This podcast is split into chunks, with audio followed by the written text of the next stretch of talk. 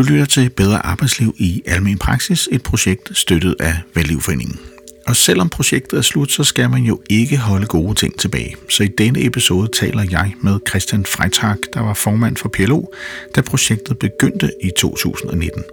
Vi kom ikke i snak dengang, men vi mødtes for nyligt virtuelt i en debat på Dagens Medicin. Den blev lang, og derfor så tænkte vi, at vi burde mødes og tale sammen. Og måske er vi mere enige, end vi begge troede. Det kan du måske være med til at vurdere. Lyt med. Jeg sidder her i, øh, i dag med øh, en person, der måske får hele projektet omkring bedre arbejdsliv og almindelig praksis til at, øh, at slå en stor sløjfe, fordi øh, ham jeg sidder overfor her, han øh, var egentlig en af de allerførste, som jeg øh, havde et ønske om at snakke med, øh, da jeg startede projektet i 2000. og 19, og det er Christian Freitag. Christian, vil du ikke præsentere dig selv? Jo, Øh, jeg er jo praktiserende læge øh, af uddannelse, og har været praktiserende læge i over 20 år i Holte nord for København. Øh, I 2013-14 stykker blev jeg meget engageret i fagpolitisk arbejde, mest på grund af trusler udefra, som vi kaldte det. Øh, og det endte så med, at jeg i foråret 15 øh, blev formand for PLO, øh, og var det i fem halvt år. Øh, nu er jeg så tilbage i, i livet som praktiserende læge. Ja, og er du glad for det? Det er jo meget det her, det handler om, om, om man er glad for sit arbejde. Ja, det er jo det sjove ved at være væk fra det i en periode, og når man så kommer tilbage, så ser man nogle af de ting tydeligere, øh, man er glad for og har været glad for. Øh, at det kan blive lidt overvældende af den der dagligdagens trummerum. Så, så det, jeg har været væk og komme tilbage, gør pludselig, at jeg ser nogle ting i livet som praktiserende læge øh, mere positivt, end jeg nok gjorde, da jeg, da jeg sprang fra ind til PLO-arbejdet. Ja, og øh, grund til, at vi sidder her også, det er også fordi, at jeg fik mulighed for at skrive et debatindlæg til Dagens Medicin. Øh, og der kommenterede du også, og så, øh, så kommenterede jeg det tilbage, og så øh, blev vi enige om, om vi ikke skulle snakke sammen i stedet for. Så det her var også lidt en opfølgning på, på den debat, der var derinde. Og en af de ting, som vi, vi fik diskuteret, og måske øh, også kunne uddybe vores forståelse af, det er det her spørgsmål om, om øh, er flere læger løsningen på det problem, der egentlig er i almen praksis. Og med problem, så tænker jeg, at der er jo nogle åbenlyse udfordringer i hvert fald i, at, at der kommer flere ældre, og noget af det, der øh, ser ud til at være øh, et pres for almen praksis, det er mange af de her ældre patienter, som også har komplekse patientforløb, og som skaber en, pres på almindelig praksis nogle gange i forhold til øh, det, som... Øh, som en forsker kaldt for ufrivillig specialisering for eksempel, at så kommer øh, lægen til at tage alle de ældre patienter, øh, fordi de har nogle komplekse forløb, og så bliver mm. det ikke givet til for eksempel sygeplejersken eller uddannelseslægen, og det vil sige, så får man sådan lidt mere øh, rigid struktur, fordi man laver det samme arbejde, det bliver monotont, og det bliver lang meget tid, og man får ikke brugt sin tid rigtigt til at... Ja og lave alle de andre ting, og man kan også blive lidt øh, undskyld, ramt på, på økonomien, fordi man måske ikke tjener de samme penge i forhold til al den tid, man bruger på at have mm. ældre patienter. Så der, det er et komplekst felt at være mm. i. Men øh, er, er flere læger løsningen på det, tænker du, eller Altså jeg tror, det der jo øh, måske kom frem i den debat på Dagens Medicin, var jo også, at flere læger er selvfølgelig ikke løsningen forstået som bare vi bliver flere læger, så forsvinder stress mm. øh, og udbrændthed blandt praktiserende læger. Det er selvfølgelig ikke øh, en årsagssammenhæng, øh, man kan stille op. Jeg er ikke i tvivl om, at der er behov for flere speciale almindelige medicin praktiserende læger. Det er der to årsager. Den ene del, den ene årsag er, at der nogle steder i landet simpelthen er en reel mangel på praktiserende læger. Man kan simpelthen ikke få læger derhen. Og det vil sige, at de bliver så erstattet med sygeplejersker, ikke af lyst og faglighed, men af nød. Mm. Øh, det går ud over den ydelse, de borgere får i de områder, og det tror jeg, at de fleste politikere er klar over, at det ikke er uholdbart. Det er den ene årsag til, at der skal være nogle flere øh, praktiserende læger. Den anden årsag til er, er så fremtidsfremskrivningen. Altså, hvis den udvikling, du øh, beskriver i demografien, øh, det ved vi jo, at der bliver flere ældre, vi får flere sygdomme, vi får mere brug for en praktiserende læge. Det kommer også til at ramme de områder, hvor der er læger nok i dag, at øh, befolkningen får ændret sygelighedsproduktion, øh, hvis man kan sige det sådan. Ikke? Mm. Og det vil sige, at vi om fem år og om ti år skal være nogle flere læger, fordi alene det lægefaglige arbejde stiger i volumen. Men det er ikke løsningen, fordi en af de andre løsninger er, som du også selv beskriver, øh, brug af personale, øh, brug af IT. Der findes masser af andre løsninger øh, end, end flere læger. Så, så en del af det er, er også at kunne holde fast i de læger, der er almindelig praksis, så de ikke ryger ud, eller hvad man skal sige, at de, de forsvinder ind til andre øh, ydelser. Nogle af de øh, læger, jeg har mødt, de er for eksempel skiftet til hospitaler eller psykiatrien eller andre steder. Øh, men at man kan bevare dem i almen praksis og, øh, og også tiltrække nye øh, unge læger, så de får en interesse i og synes, det er interessant at være i almen praksis. Ja, det, det er jo et, altså det du beskriver er jo et symptom på, at øh, livet som praktiserende læger ikke alle steder er godt nok, og da der er generelt mangel på læger i hele sundhedsvæsenet, andre steder også, jamen så er vi eftertragtet af mulige andre steder. Det vil altså industrien, det vil være inde på det lokale sygehus, være i forskningen. Du kan gå rigtig mange steder hen. Du kan lave private øh, netlæger øh, og få et godt liv ud af det. Mm. Så der står, der er rigtig mange konkurrenter til, øh, til jobbet lægen. som praktiserende læge, ja. øh, og det er klart, det, øh, det skal vi også være bevidste om som forening. Og og så er der en af de ting, vi også fik, øh, fik vendt lidt ind på dagens medicin, det er de her praksisformer, fordi for mig hænger det lidt sammen i forhold til, om er det så ikke okay, at der er mange forskellige øh, måder at, øh, at være i, øh, i almindelig praksis på. Og med det, så, så tænker jeg, øh, jeg har for eksempel også været ude og, øh, og tale med Thomas Helt fra, fra Alles Lægehus, øh, som jo, altså, om man så kan lide den praksisform eller ej, det vil jeg jo måske ikke diskutere, fordi jeg kan sagtens forstå de udfordringer, det giver i forhold til også at være en, hvis man ser det fra et øh, fagforbunds øh, synspunkt som PLO, at det udfordrer jo hele setup'et, øh, kan man sige, ikke? Øh, i forhold til at, at have et forbund og ligesom kunne, øh, kunne have en, en stemme i forhold til sine medlemmer mm. og, og have øh, den del af det. Øh, men jeg kan da også godt se noget idé i, at man, man som læge egentlig slipper for alt det der øh, administrative øh, bøvl, eller slipper for at øh, kunne sidde og skulle beslutte, hvilke IT-systemer vi skal have, og skændes som farven på væggen, og møblerne i venteværelset, og alle de andre ting, som jo er øh, hvad skal man sige, bagsiden af mønten af den frihed, man jo også får i at have sin egen virksomhed og være hjemme i praksis. Øh, og, og jeg tænker også, der er der måske også øh, noget i, at lægerne jo også kan, kan, det jeg har hørt, de synes faktisk, det er lidt besværligt nogle gange, for eksempel, at øh, man ikke kan ansætte en ekstra læge i en spidsbelastningsperiode, fordi man må kun være en læge på arbejde, når man har det ene ydernummer. Det skal ligesom passe en til en. Så kunne det ikke være en idé, at man så på andre måder at drive praksis på, eller nogle mere fleksible former, som man kan opskalere, eller man kunne have et øh, mere tydelig, øh, fleksibel struktur omkring at kunne, kunne have noget, der lignede alles lægehus. Altså hvis man valgte at gøre det, så kunne man jo bare ansætte læger selv, som regionen for eksempel, og så drive, det har de jo så også nogle regionsklinikker, mm. øh, som jo så også er lidt udskillet, fordi de giver lidt underskud, kan jeg forstå, eller der er nogle andre, der er nogle andre dimensioner i det. Jeg har ikke helt forstået, hvorfor de giver underskud, fordi det er dem selv, der betaler til dem selv, så derfor så har jeg ikke forstået dem. Det er det, jeg har hørt. Jeg tror, det er i forhold til budgetterne, at de finder ud af, at det er dyrere, end de det, regnet med. Ja, okay, det kan være det. Det, øh, det ved du mere om, end jeg gør. Øh, men er, det, er der ikke noget i, altså jeg er sandt for at sige, der er samarbejdspraksis og delepraksis og nogle andre ting, noget af det kan være lidt svært at få, men kunne det ikke være en idé at åbne op for de her praksisformer og tænke, lad os se på nogle andre måder at gøre det på? Jeg tror, det er meget vigtigt, og jeg er helt enig, men jeg tror, det er meget vigtigt, at vi skiller mellem praksisformer og så ejerskab. Praksisformer er der faktisk de sidste 10 år sket rigtig mange ting, hvor man i gamle dage havde solopraksis, samarbejdspraksis og kommunikationspraksis. Så har vi i dag muligheden for at ansætte læger. Det er rigtigt, der er nogle begrænsninger, men, men, men der er også ret hvide muligheder for at ansætte læger.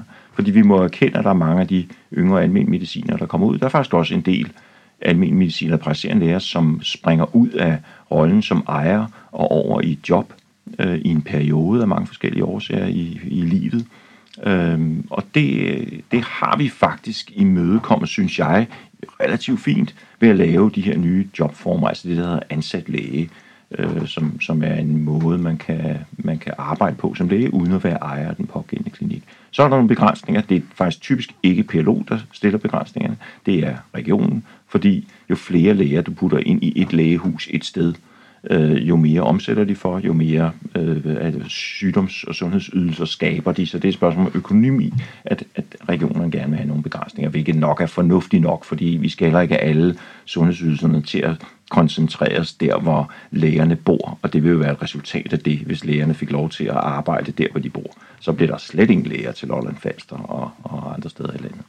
Problemet er jo, som jeg ser det, nu skal jeg ikke sige vi, fordi jeg ikke har noget med PLO mm-hmm. for tiden, ja. øh, men som jeg ser det, er problemet ejerskabet, at, at det er det, der kan disrupte hele princippet med den praktiserende læge, hele princippet med øh, kontinuiteten, hele princippet med, at man øh, at, at der er ens vilkår for de praktiserende læger, fordi vi jo har en forening, som forhandler vores vilkår, og de er ensartede. Og det er klart, når der kommer en, en udbyder, som ikke kun hjælper læger med at drive deres praksis, for det er stor tilhænger af, at læger bliver aflastet i det administrative arbejde. Det skal vi da bare øh, opdyrke så meget vi kan. Men i det øjeblik, den spiller også går ind og får læger til at opkøbe klinikker, og så er det her begrebet strømmand kommer ind, mm-hmm. øh, og det vil sige på vegne af andre driver en klinik, øh, og hvor man kan stille spørgsmålstegn ved, hvor reelt er det ejerskab, så er det, at hele sammenhængskraften inden for PLO bliver udfordret. Og det vil der være nogen, der vil sige, det er lige meget, det vil jeg kun glade for, fordi lad os få noget konkurrence. Øh, problemet er bare, at, at jeg tror virkelig, at samfundet har bedst af, at tilbuddet om praktiserende læger, det er ret homogent hele landet imellem. Og det, det bliver ikke homogent af, at vi får sådan en helt anden type spiller øh, som alles lægehus og Nordic Medical for nu at sætte navn på. Og det er fordi, du tænker, så vil, så vil øh, lægen hellere arbejde der, hvor man bor, eller der, hvor man... Øh Nej, hvor man jeg, har lyst til at slå sig ned? Nej, det, jeg, jeg, altså det er jo, der, jeg, der er jo en ting, du kan udfordre mig på, som jeg er blevet udfordret på, og, og må jeg sige, jamen der har jeg nok set forkert, og kan det være. Og det er lægers behov for at eje deres egen arbejdsplads det har jeg altid opfattet som en helt naturlig del af det at være praktiserende læge. Det var en af årsagerne, det var en af årsagerne til, at jeg blev praktiserende læge.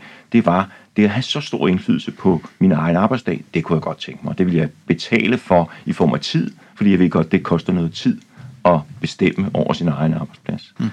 Der må jeg nok erkende, at mens jeg var formand, alene den periode skete der en udvikling i, at der kom mange nye almindelige mediciner ud, der sagde, nej, det vægter vi faktisk ikke så højt. Mm. Og det, der, der, der må jeg sige, det har jeg nok ikke, øh, det har jeg ikke set, at der er så mange, der kommer ud og siger, nej, hvis vi har en fornuftig løn, forudsigelige arbejdstider, øh, vi skal have en work-life balance hjemme med familien, fordi min ægtefælle arbejder også, så det der med ejerskabet, det, det er ikke super aktuelt lige fra dag et i hvert fald. Det kan være, det kommer senere, siger de, men, men lad os nu se. Mm. Så, så der må jeg sige, der, der er der noget udfordret. Så er det bare, at jeg siger, løsningen behøver ikke være Nordic Medicare eller alles lægehus. Løsningen kan godt være andre praktiserende læger, der ønsker at ansætte dig som mm. læge. Så, så øh, den praktiserende læge skal måske også se sig selv mere som en slags, øh, jeg ved ikke, man skal sige entreprenør, eller, eller som en, der mere ejer et, et, øh, et lægehus, eller øh, er hoved øh, entreprenøren inden for et eller andet, så kan jeg ansætte nogle andre læger, hvis der er, jeg får et ekstra ydernummer, øh, frem for at jeg sætter det som, at hvis jeg skal være flere, så skal jeg have en, der har et ekstra ydernummer. Men at jeg køber ydernummeret, og så kan jeg så ansætte en læge. Den, den mulighed det. kommer, er jo kommet til, og, og det må vi nok sige, det bliver nok en større del, end jeg havde troet øh, for nogle år siden, fordi det vil lægerne rigtig gerne. Øh, jeg, jeg, jeg holder jo stadig fast på, at når du går ind hos en praktiserende læge, og i hvert fald nogle af de læger, der er det sted, ejer den klinik, og samtidig også arbejder reelt i den klinik, så har det en positiv indflydelse på klinikkens, lad os sige, livets service over for borgeren. Ligesom når jeg går ned til den lokale grønhandler, som faktisk arbejder for at give mig en god service og nogle gode grøntsager, sådan så jeg kommer igen i næste uge. Det er dybest set det samme princip, hvorimod hvis han bare var ansat, så kunne der godt være lidt længere til øh, servicen i nogle situationer. Mm. Øh, og, og den værdi øh, vil jeg stadigvæk påstå, at den er der. Mm. Øh, jeg siger ikke, det er den eneste, men fordi selvfølgelig kan ansætte læger også levere en masse godt, men ejerskabet til virksomheden, til hele klinikken, øh, vil jeg være ked af, blive lagt uden for, den, for dagligdagen og driften. Ja. Jeg, jeg vil gerne støtte dig. Jeg vil sige, øh, det har været en af de forklaringsmodeller, jeg har hørt på, hvorfor at Arnold Busk ikke klarer sig, men Bog og Idé klarer sig. Okay. Og det er fordi, at Bog og Idé, øh, folk, det er den lokale Bog og Idé boghandler, der ejer sin egen forretning, men som Bog og Idé så står for, Ja. hvor Arnold Busk var en hovedvirksomhed, der så havde forskellige øh, lokationer, hvor man ikke okay. ejede sin egen øh, boghandel lokalt, og derfor var engagementet ikke så stort. Ja. Det var en forklaringsmodel. Og det kan godt være, der er noget Så- romantisk i det. Det, Ja. øh, det skal jeg ikke kunne afvise, men, men øh, det, det, bliver, det tager jeg nok med i graven, om man så må sige. Ikke? Øh, Jo, øh, fordi det- det... det tror jeg på, og så må vi jo se, hvad, hvad vej det går. Det er jo klart. Ja, og måske så står vi også over for sådan et, et, et, et moderne skisma her mellem at eje eller lege noget, hvor at øh, mange unge i dag jo mere tænker, jeg behøver ikke eje alle de her ting, som måske der, hvor vi voksede op, det er mere, ja. Ja. at man skal have sin bolig, og man skal have en god uddannelse og alt det her. Og det tror jeg måske er mere fleksibelt og flydende for, for den generation, der kommer ud. Og delebil. Ja, eller jeg behøver ikke, øh, jeg kan bare Airbnb på ferie, eller hvad det nu er for noget, ikke? og det er noget, noget helt andet jo. Øh, og så vil jeg sige, jeg kan også godt genkende det, når jeg har været ude i, i de praksis også, hvor jeg mødte uddannelseslæger. Altså de er mere optaget af at, øh, at kunne gå hjem klokken halv fire, og kunne vide, at det kan man gøre på nogle bestemte dage, end at øh, man skal sidde og knokle med noget administrativt arbejde efter, eller tage nogle ekstra tester, ja. eller hvad det nu er, fordi man ikke lige er blevet færdig med det, men så går de bare hjem, fordi det, nu det er slut, og deres arbejdsdag er slut, og ikke fordi der er mere arbejde tilbage. Ja. Så de har helt klart en anden oplevelse af, hvad det er for en ydelse, de skal levere, tror jeg også. Øh, og, og jeg tror også godt, jeg kan godt genkende det, du siger, fordi de praksis, øh, hvor jeg var ude i større praksis, der sidder der jo to læger som regel, som så har ansat flere læger og har flere uddannelseslæger og en større personalegruppe.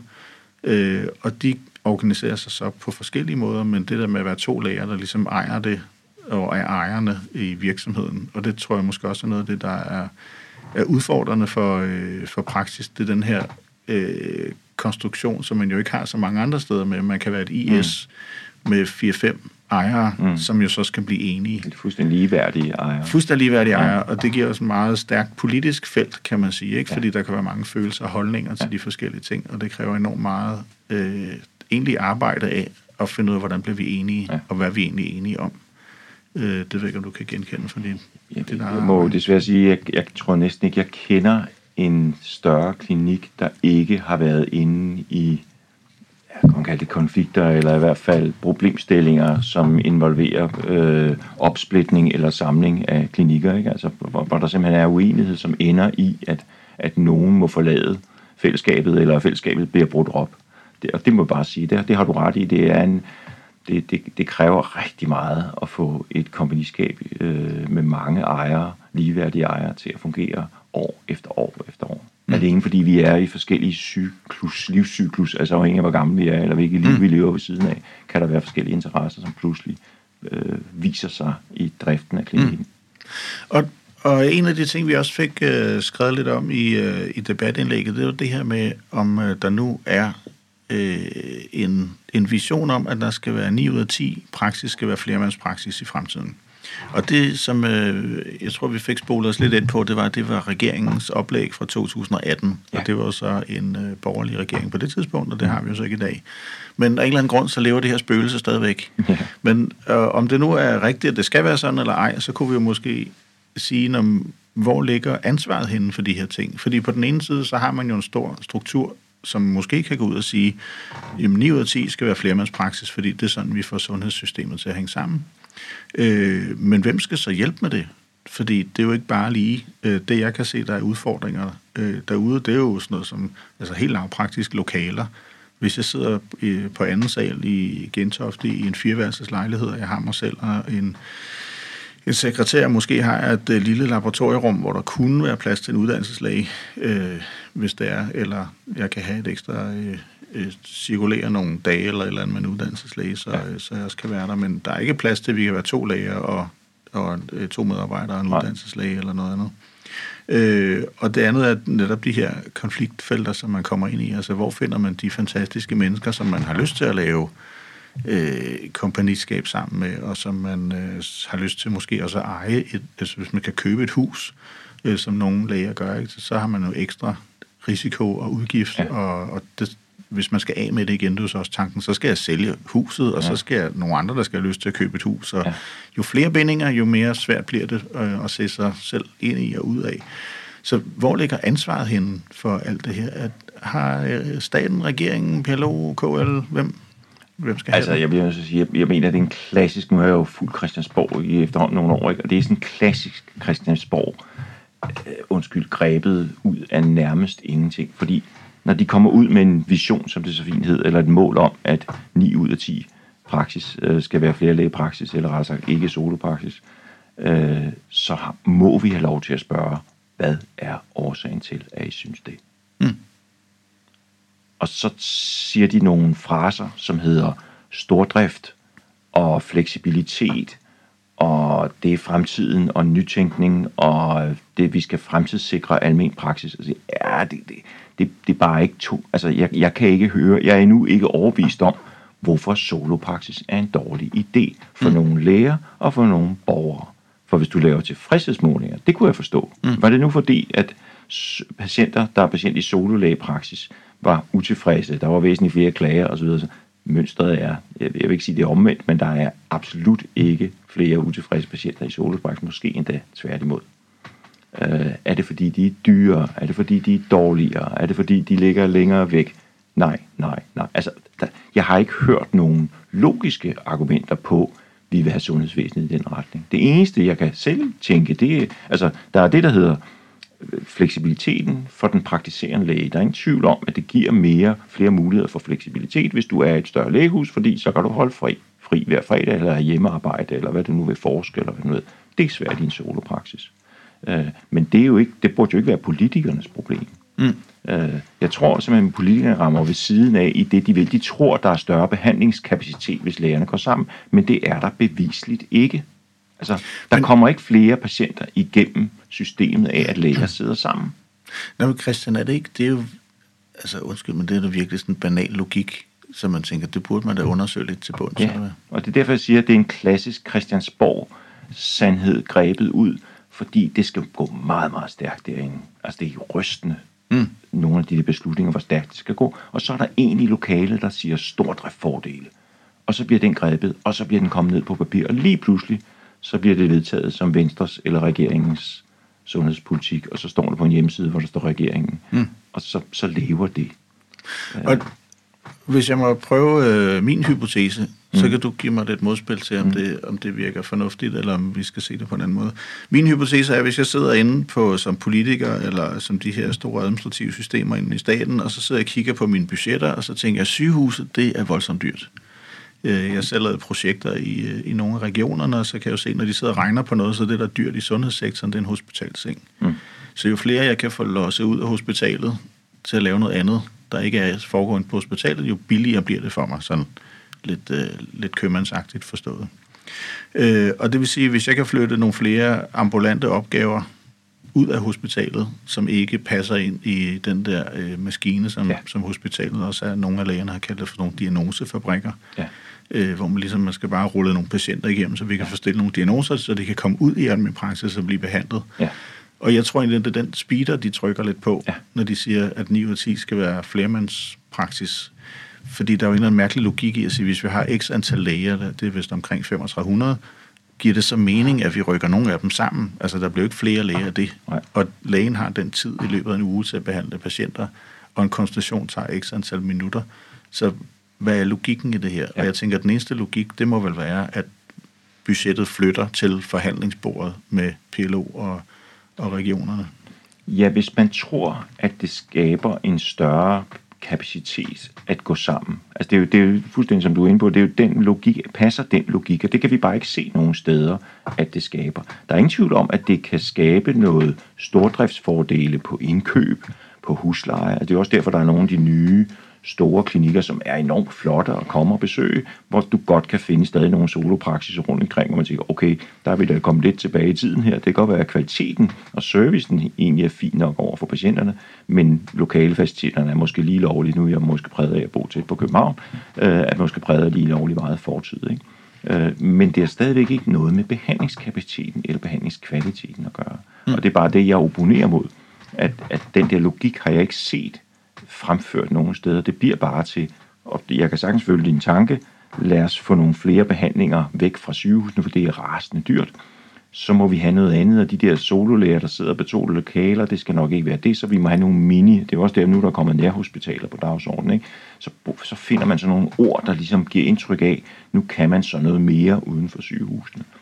Og, og der er jeg jo praktiker, som så mange andre af mine kolleger, ikke? og vi siger, hvordan må de have set eksempler på det hen, vis os det. Ikke? Altså, mm. I stedet for kun at, at, at beskrive det i ord, så prøv at vise os, hvordan skal det her gennemføres. Og det er det led, jeg synes mangler i den tankerække. Mm. Ja, fordi der mangler en eller anden logik i hvert fald hos mig, når man siger, nu laver vi supersygehus og samler det hele, og så bagefter så laver vi nærhospitaler for at gøre det mere nærværende, mm. eller sådan tæt på, tæt på øh, patienten så, så hænger det ikke helt sammen for mig. Hvorfor beholder vi så ikke alle de små ja. hospitaler, eller ja. hvad skete der der? Det er så, vi kan prale vores store strålekanoner, eller ja. jeg ved ikke rigtigt. Nej.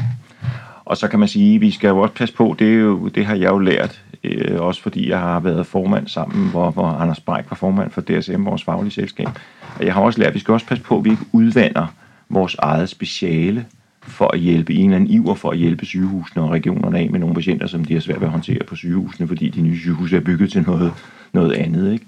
Øh, og det, det er også en pointe. Hvis vi stadigvæk skal være lægen for den borger, der kommer ind ude fra gaden øh, med de problemer, de nu måtte have, der er meget forskellige problemer, jamen så skal vi passe på, at vi ikke opdager, optager lægens tid med forstå mig ret, i at hjælpe sygehuset med at komme af med deres patienter, eller turnere rundt på nogle akutpladser øh, og lege sådan mini øh, hjemmepleje, læge og gå stuegang på nogle borgere, der ligger på kommunalscenen.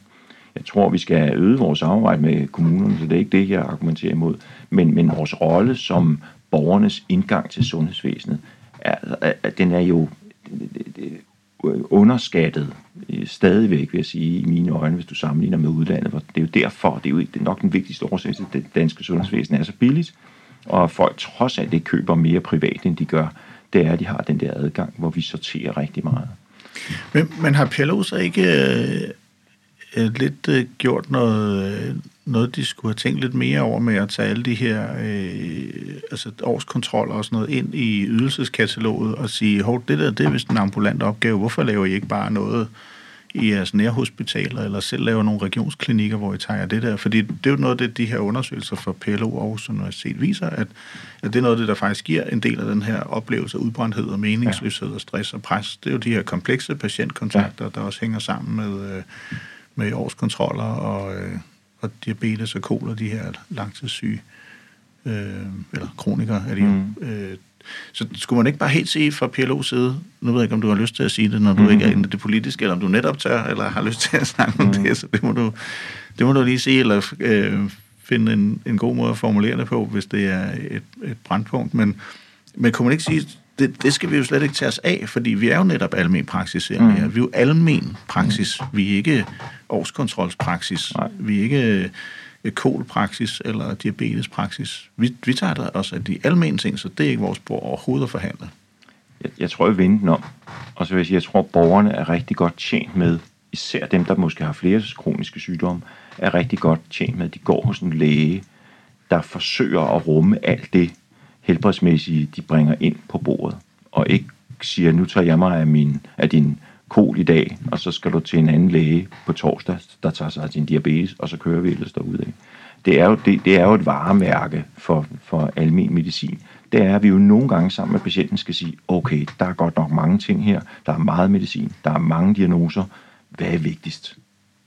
Og det vil man, den diskussion vil man aldrig få i et ambulatorium fordi et ambulatorium er selvfølgelig specialiseret på det speciale, så, så, så lægen, der sidder der, vil selvfølgelig gøre det så godt som muligt inden for lige præcis det specifikke sygdomsområde, som han eller hun sidder med. Og, og jeg mener faktisk, det er en stor værdi for borgerne, at de kan komme til en læge, som siger, Nå, hvad er du for en? Hvad for en liv lever du? Hvad lægger du vægt på? Hvad er vigtigere end noget andet? Øh, nå, okay, ud fra det, du siger, så skal vi måske se mere øh, på øh, din vejrtrækning og mindre på din vægt hvis det nu var det. Mm. Hvorimod det kan blive noget andet, når man løber rundt. Så, så, så jeg synes, det vil være synd, det vil være enormt synd øh, for borgerne i sidste ende, og også lidt for vores speciale, hvis vi begynder at, at skyde de borgere, der er mest syge, for det vil jo være dem, øh, rundt til specialisterne og, og, og, og lade dem sådan droppe ind forskellige steder. Men du har ret i, at hele princippet om årskontroller, det kunne man sådan set godt stille spørgsmålstegn ved, fordi, og det er der jo ikke nogen tvivl om, at gennem årene, at det er også kommet, fordi det er kommet i vores overenskomst. Ergo, der ligger styringsmekanismer i det, der ligger data, der skal indberettes, der ligger økonomi, vi får, som vi ikke ville have fået, hvis vi ikke havde lavet en årskontrol på den enkelte sygdom. Øh, jeg ved, at DSM arbejder fagligt med at lave altså en årskontrol, som ikke dækker en diagnose, men som dækker et menneske, der har behov for at få set på sit helbred. Mm. Og alle de sygdomme, der nu måtte være en gang om året, eller en gang hver 6 måneder, afhængig af hvad nu. Og det er måske mere sundt, og måske mere almen praksis, end den der diagnoseopdelte årskontrol, mm. som vi har, må vi sige, den har vi jo selv været med til at indføre. Øh, og det, det er sådan en udvikling i vores fag, blandt andet sker. Og, og det, vil jeg sige, det kan jeg jo godt genkende, for det er jo en del af frustrationen, når man sidder der, og, øh, som nogle af de sygeplejersker, jeg har talt med, så sidder de og, og skal til at gennemføre en årskontrol for patientens diabetes, og så kommer patienten selv med en seddel med ja. alt muligt, de tænker, nu skal vi have det 100.000 km eftersyn ja. og service. Øh, og så skal sygeplejersken sidde og ligesom afkode, hvad er farligt, hvad er ikke, og, øh, og så kommer vi ind på det der, er det den rigtige faglighed, ja. jeg så sidder overfor, ja. og så bliver der, det, det bliver meget, meget hurtigt ja. komplekst i forhold ja. til, hvad sker der, og hvad, hvad er det rigtige og forkert at gøre her. Ja. Og hvis ikke lægen har trænet sin sygeplejerske i, og ligesom har haft de der løbende dialoger øh, på ugenlig basis, for eksempel, eller øh, sådan lave nogle, hvad, hvad det skal der ske? Store krav. Det stiller store altså, krav det til, til organisering og til faglighed ja. og til beslutningskraft og til ledelse og alle mulige ting. Øh, så det giver jo god mening. Men måske også noget af det, du, øh, du egentlig taler lidt til, fordi det havde vi også op i vores øh, fælles diskussion her i dagens medicin, den her kontinuitet, ja. som jeg kan se i det, jeg har været ude at kigge på, og det er faktisk det stærkeste kort, jeg synes, der ligger i min praksis. Det er, at jeg oplever en eller anden form for kontinuitet. Men omvendt så kan jeg også se i almindelig praksis, at øh, jeg, jeg var, det vil jeg gerne dele, jeg var selv til lægen, og der, øh, jeg skulle have to, øh, jeg var til to konsultationer, men jeg nåede at tale med fire forskellige læger og to sygeplejersker. Det var imponerende. Det var imponerende, ikke? Og jeg var selv ret overrasket, for jeg går ikke så tit til lægen.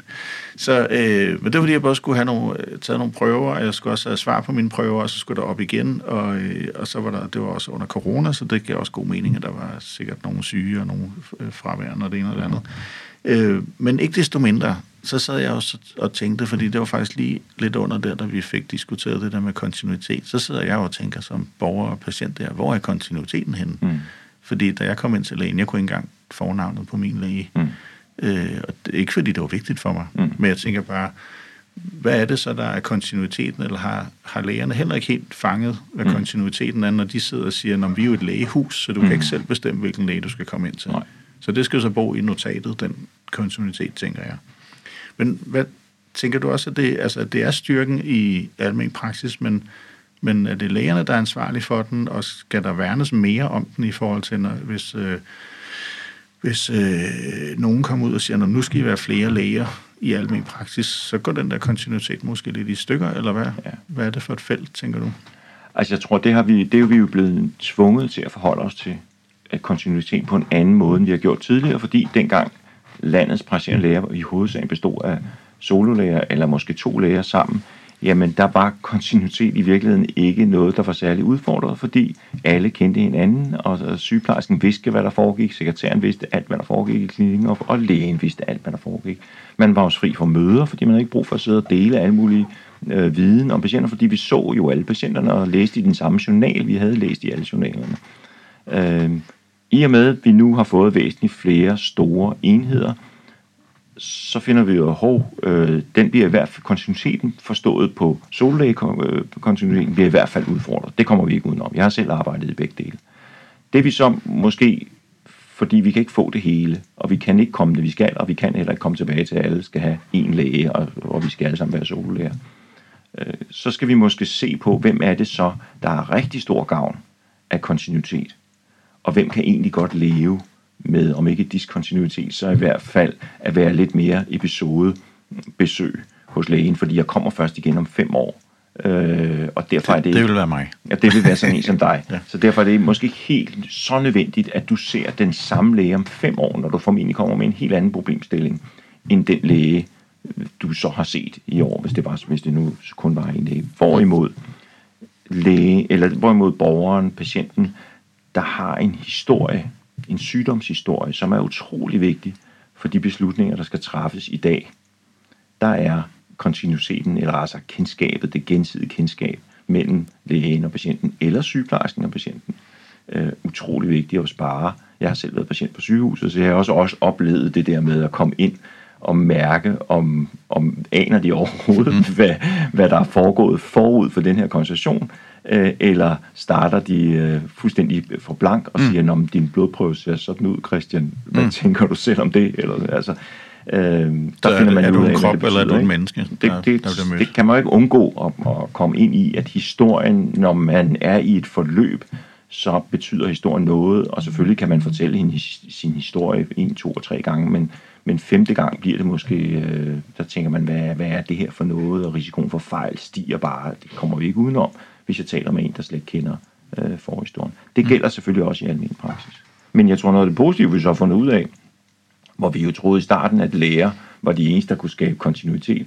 så må vi sige, at det kan en sygeplejerske faktisk også. Mm. Eller en behandler, kan du sige. Det kan, det kan noget af vores personale, kan i den grad skabe tryghedsgivende, meningsgivende kontinuitet for vores borgere. Hvor det så er lægen, der i virkeligheden hopper lidt ind og justerer rent lægeligt på noget. Det kan jo typisk være medicin eller noget andet eller differentialdiagnose, som vi kalder det. Altså skal patienten undersøges for et eller andet lige her, fordi mm. der er sket et eller andet uventet og så hopper lægen ud igen. Men for sygeplejersken er kontinuiteten. Det må vi sige, det, det, det har vi fundet ud af også er en måde at skabe kontinuitet på. Øh, og det, det, det tror jeg så er den nye udgave af kontinuitet frem for sololægen, hvor alle vidste alt hele tiden. Mm. Så det behøver ikke være lægen, der er den, der ligesom er den gennemgående figur, men der skal bare være en eller anden mulighed for noget gennemgående, hvis forløbet det tror jeg, det. Det tror jeg, vi gør klogt i både at erkende, at sådan er det, Øh, vi er ikke de eneste, der kan skabe kontinuitet. Jeg tror også, det er klogt for os selv, at alle arbejdsprocesser i klinikken ikke kræver, at lægen er ind over, fordi det er måske en måde at få skabt noget udbrændthed på mm. øh, i, i en klinik, hvis lægen føler ansvar for alt, hvad der sker, og ikke kan slippe patientforløb i klinikken. Mm.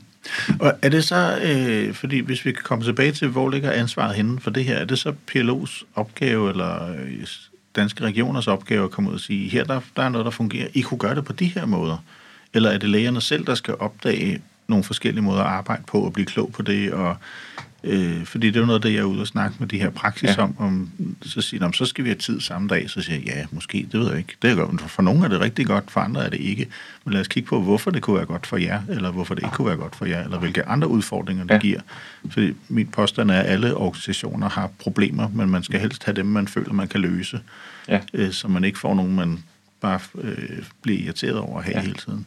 Men er det, burde, burde PLO gå ud og, øh, og formidle lidt flere, der er andre måder at organisere sig på og samarbejde på, eller når I nu bliver seks læger i en praksis frem for tre eller noget andet, mm. så, så får I nogle andre problemer, eller skal de bare sætte lov til at opdage det? Og her får du nok et svar, som havde lyttet lidt anderledes, hvis jeg stadigvæk havde været formand for, øh, for PLO. Ja. Sådan er det bare nu. Jeg kom på den anden okay. side, øh, og jeg tør måske også sige nogle ting, som jeg har sagt, nej, det skal jeg nok ikke sige som formand for PLO, for så er der nok for mange, der for øh, kaffen galt i halsen. Mm.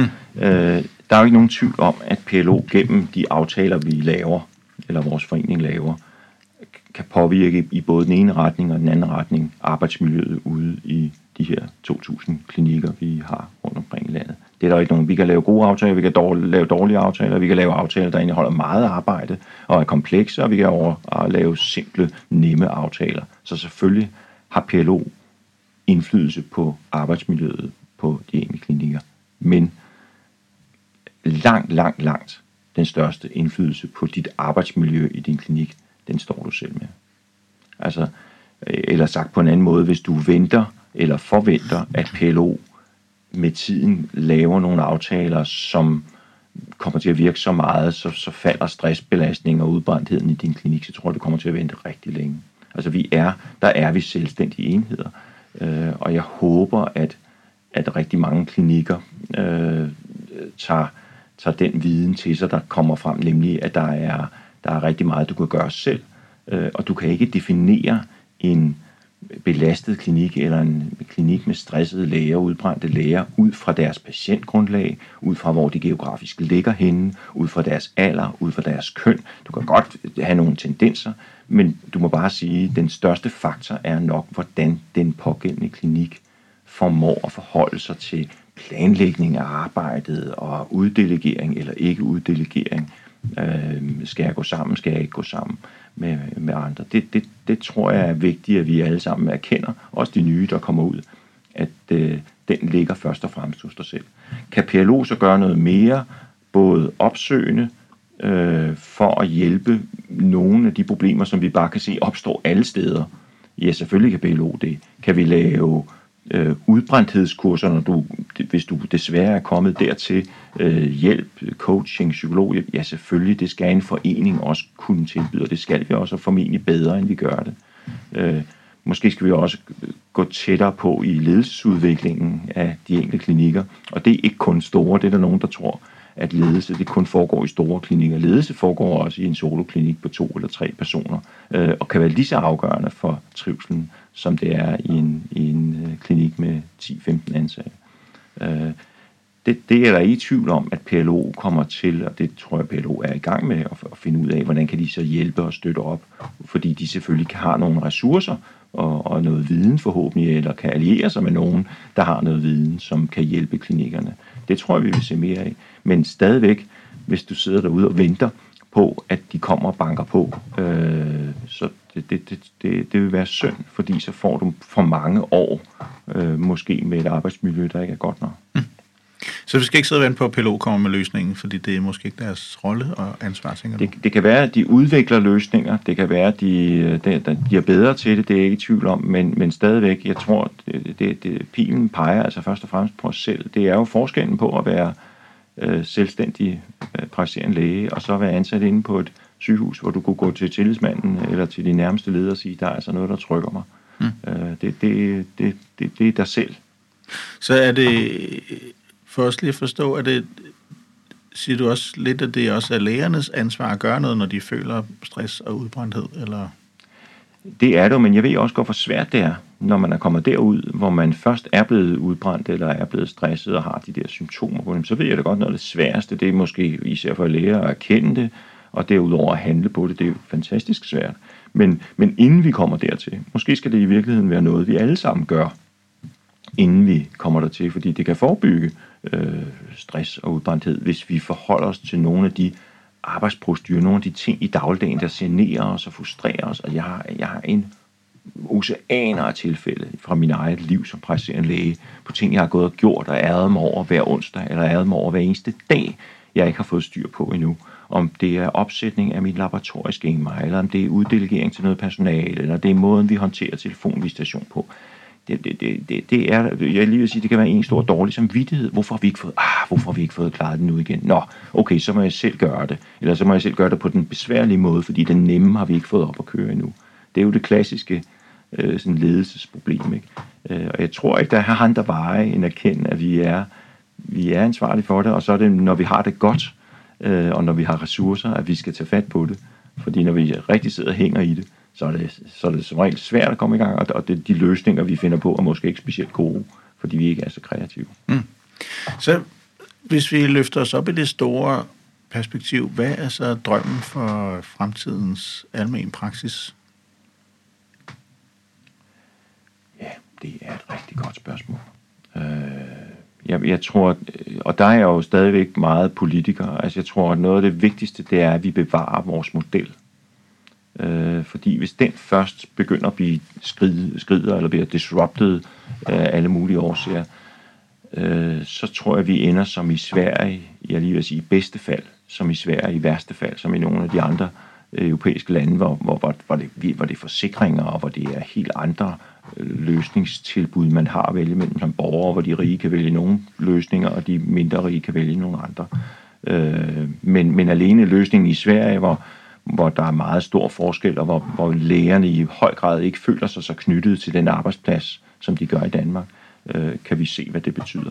Og, og modellen i Sverige, der, det er øh, staten, I, eller i virkeligheden ligger der... I, klinikken, og så bliver man ansat som Ja, det, det er der nogen. Altså, der, du kan sige, Sverige er sådan en mellemting mellem alt muligt, fordi der er både nogen, der ejer deres klinik, men der er en stor gruppe af de her vårdcentraler, som, hvor, hvor det er det offentlige, der ejer, og hvor de har, jeg, jeg så en her i sidste uge, øh, hvor de har ambulance, der kan bakke ind til, til, mm. til det her vårdcentral. Det er jo fint, når der netop der er de store afstande, der er deroppe. Ikke?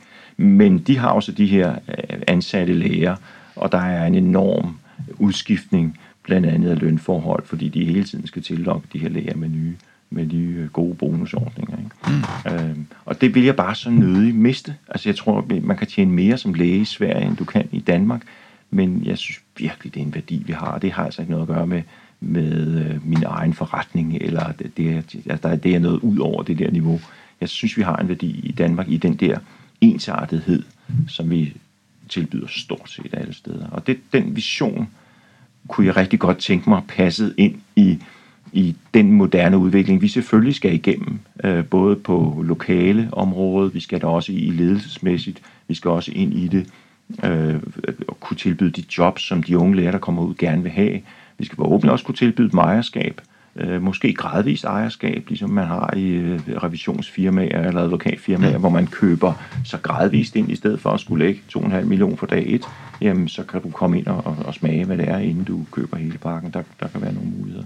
Men, men, men det håber jeg, det er i hvert fald min vision, at vi om 10 år stadigvæk har en grundstruktur, hvor øh, man, man aftaler, hvad skal gælde for borgernes lægetilbud, øh, og der er det samme, der skal gælde i Region Nord og i hele Region Nord, som der gælder i hovedstaden. Så hvis du skulle ønske dig, der var noget, øh, der kunne fjernes, som kunne gøre det bedre livet som almindelig praktiserende læge, hvad vil du så tage væk?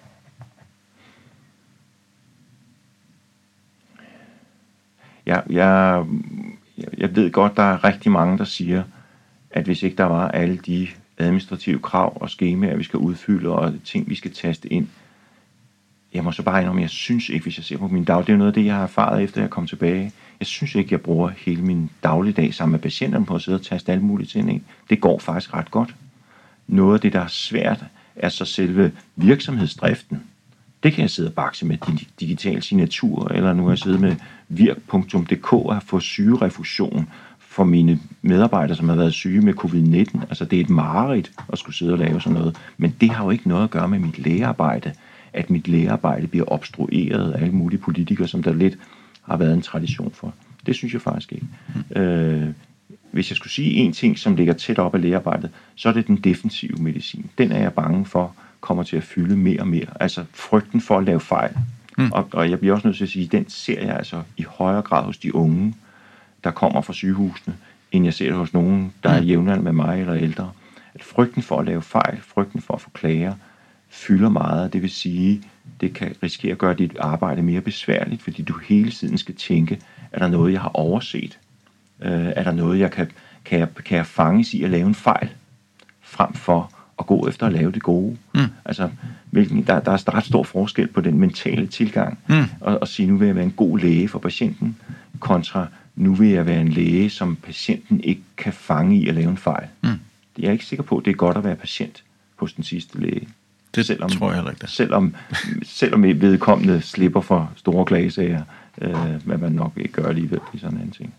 Så jeg tror, at et, et, et ønske kunne være, både til os selv, men selvfølgelig også til myndighederne, at øh, slippe fagligheden lidt fri, øh, og, og, og, og tro på, at når man er blevet læge og har læst så mange år, så er det fordi, man vil gøre det godt for patienterne. Vi kommer til at lave fejl, men, men, men der er ikke en grundstemning hos de praktiserende læger af, at vi prøver at hoppe over, hvor gæret er lavest, eller vi prøver at fuske, eller vi prøver at, at, at snyde patienterne på en eller anden måde. Så en, en lidt større tiltro til, at I faktisk alle i systemet ønsker et samarbejde om at gøre det godt, ja. og levere den bedste mulige ydelse. Ja, ja. Og kunne rumme, at der sker fejl, uden at når der sker en fejl, så skal laves en lov imod det. Det er jo det, vi ser inden for alle mulige områder. Det har jo ikke kun noget med sundhedsområdet at gøre. Ikke? Sker der en fejl inden for børneanbringelse, jamen så skal loven pludselig laves om dagen efter, fordi ekstrabladet er fremme. Og det, det synes jeg er enormt trist, for det tror jeg faktisk slider på mange af os, at, at der hele tiden bliver gjort opmærksom på, det er, u, det er uacceptabelt. Der må gøres noget. Mm. Ja. Tak, Christian. Øh, jeg tænker, at vi skal til at runde af. Mm. Vil du ikke uh, sige sådan et par ting, uh, du synes, uh, der har været gode pointer ud af alt det her, vi har talt om? Hvad vil du uh, bide mærke i? Altså, det er jo en hemmelighed, da jeg læste dit indlæg, at der tænker jeg, hvad er nu han for en? Der, der gør sig klog på almen praksis, og så kunne jeg jo finde et par... En konsulenttype. Så, så kunne jeg jo finde et par hår i suppen, og den ja. kastede jeg mig straks over. Øh, og heldigvis så udviklede det sig jo, da vi øh, talte sammen. Blandt andet fandt vi jo ud af ordet kontinuitet. Hvad var det egentlig, vi mente med det? Og fandt ud af, at der var vi nok ret ens. Mm. Øh, jeg forlanger ikke, at du skal mene det samme, som jeg mener i forhold til ejerskab, men du har i hvert fald fundet ud af, øh, tror jeg, det er en af pointerne, at det, det er ikke fordi, jeg vil have, at alle læger skal eje deres egen klinik, eller ikke kan være ansat, eller ikke vi skal have en masse fleksible ansættelsesmuligheder, for det synes jeg selvfølgelig. Jeg synes bare noget helt grundlæggende, nærmest ideologisk om mm. ejerskabet, ikke? og det kan man så, det kan vi tage på et andet plan. Øh, det tror jeg er nogle af de øh, vigtige ting. Og så måske det her med udbrændthed, som jo fylder meget inden for, for medlemmerne, også inden for foreningen, at, at jeg håber, at, der, at ude i klinikkerne vi får talt om, hvad kan vi, hvad kan vi selv gøre for at dæmme op for den der udbrændthed. Øh, så kan det godt være, at vi skal have hjælp til noget af det, og det kan man heldigvis skaffe, skaffe sig noget, endda er betalt via overenskomsten, kan man faktisk få hjælp til det, ikke? og andet skal man selv betale for, men det er jo billigt givet ud i forhold til, hvad udbrændthed koster os. Det tror jeg vil være en pointe, jeg håber, folk kan tage med og sige, kunne vi alligevel starte med os selv, Øh, vi må godt være sure både på PLO og regionerne, og hvem vi ellers skal skille ud på. Men, men kunne vi starte hernede og sige, hvad kan vi dog selv gøre, som har irriteret os øh, gennem år og år. Mm. Så man ikke tænker, fordi det er jo det, mange læger gør, det er, at de skal løbe hurtigere eller længere, eller tage fridag i brug for at lykkes med det, mm. men så måske mere få sagt, hvad er det egentlig, jeg gerne vil lykkes med. Ja. Øh, så man får defineret det, og så at nogle gange kan det ligesom, ligesom med to-do-lister, så når jeg er færdig med dagen, så bliver det sådan en øh, rest af alt det, jeg ikke fik gjort. Og så glemmer jeg at kigge på alle de ting, jeg rent faktisk ja, fik gjort. Det er det. Så, øh, og det giver sådan en mental forskel for mig nogle gange bare at skrive ned, hvad jeg gør, frem for hvad jeg skulle have gjort. Ja. Øh, jeg ved ikke, om det hjælper til sådan den der forståelse, men det er lidt det, du sagde om den der, at jeg faktisk får positivt syn for alt det, jeg lykkes med, frem for at jeg står og kigger på alt det, der ikke virkede. Ja. Og måske lidt det samme med den defensive medicin. Øh, ja. Som du siger, jeg også får kigget de patienter, jeg faktisk får behandlet rigtig godt, som er rigtig ja. glade og har en positiv oplevelse i ja. min praksis, som der jo heldigvis er flest af. Ja, der er langt flere, end vi tror. Ja. Tusind tak, Christian. Det var værdsat at have din, uh, din tid her. Det var et stort ønske for mig allerede, da jeg startede projektet for det er jo et, et par år siden. Velbekomme. Det var Så jeg føler, det har kulmineret i, uh, i, at jeg kan lukke og slukke på en god måde. Det er godt. Tak for din tid. Tak selv. Du du har lyttet til Bedre Arbejdsliv i Almin Praksis, et projekt støttet af Vælgeforeningen. Det vil sige, det er det ikke mere, for projektet er slut. Men det er jagten på at forstå det gode arbejdsliv ikke. Så det fortsætter sådan lidt stille og roligt. Du kan altid ringe på 23 96 10 30 og tale med mig, hvis øh, I ønsker at kigge på jeres arbejdsliv i jeres praksis. Du kan også gå ind på praksishjælp.dk, der ligger alle resultater fra projektet, og så snart rapporten er godkendt af Vælgeforeningen, så kommer den også til at ligge derinde. Jeg skal jo videre, så måske øh, kan videre med Ellen Tran Nørby. Hun har lyst til at tale med mig om alle de her Christiansborg ting. Det må jeg lige finde ud af. Men øh, du kan i hvert fald lytte på resten af podcasten og øh, høre alle de ting, du måske ikke har hørt. Mit navn er Michael Elkan, og du kan desværre ikke længere høre mig hver uge, men jeg samler løbende op på livet i al min praksis, så det er med at smide os væk. Vi kommer tilbage. Vi ses derude.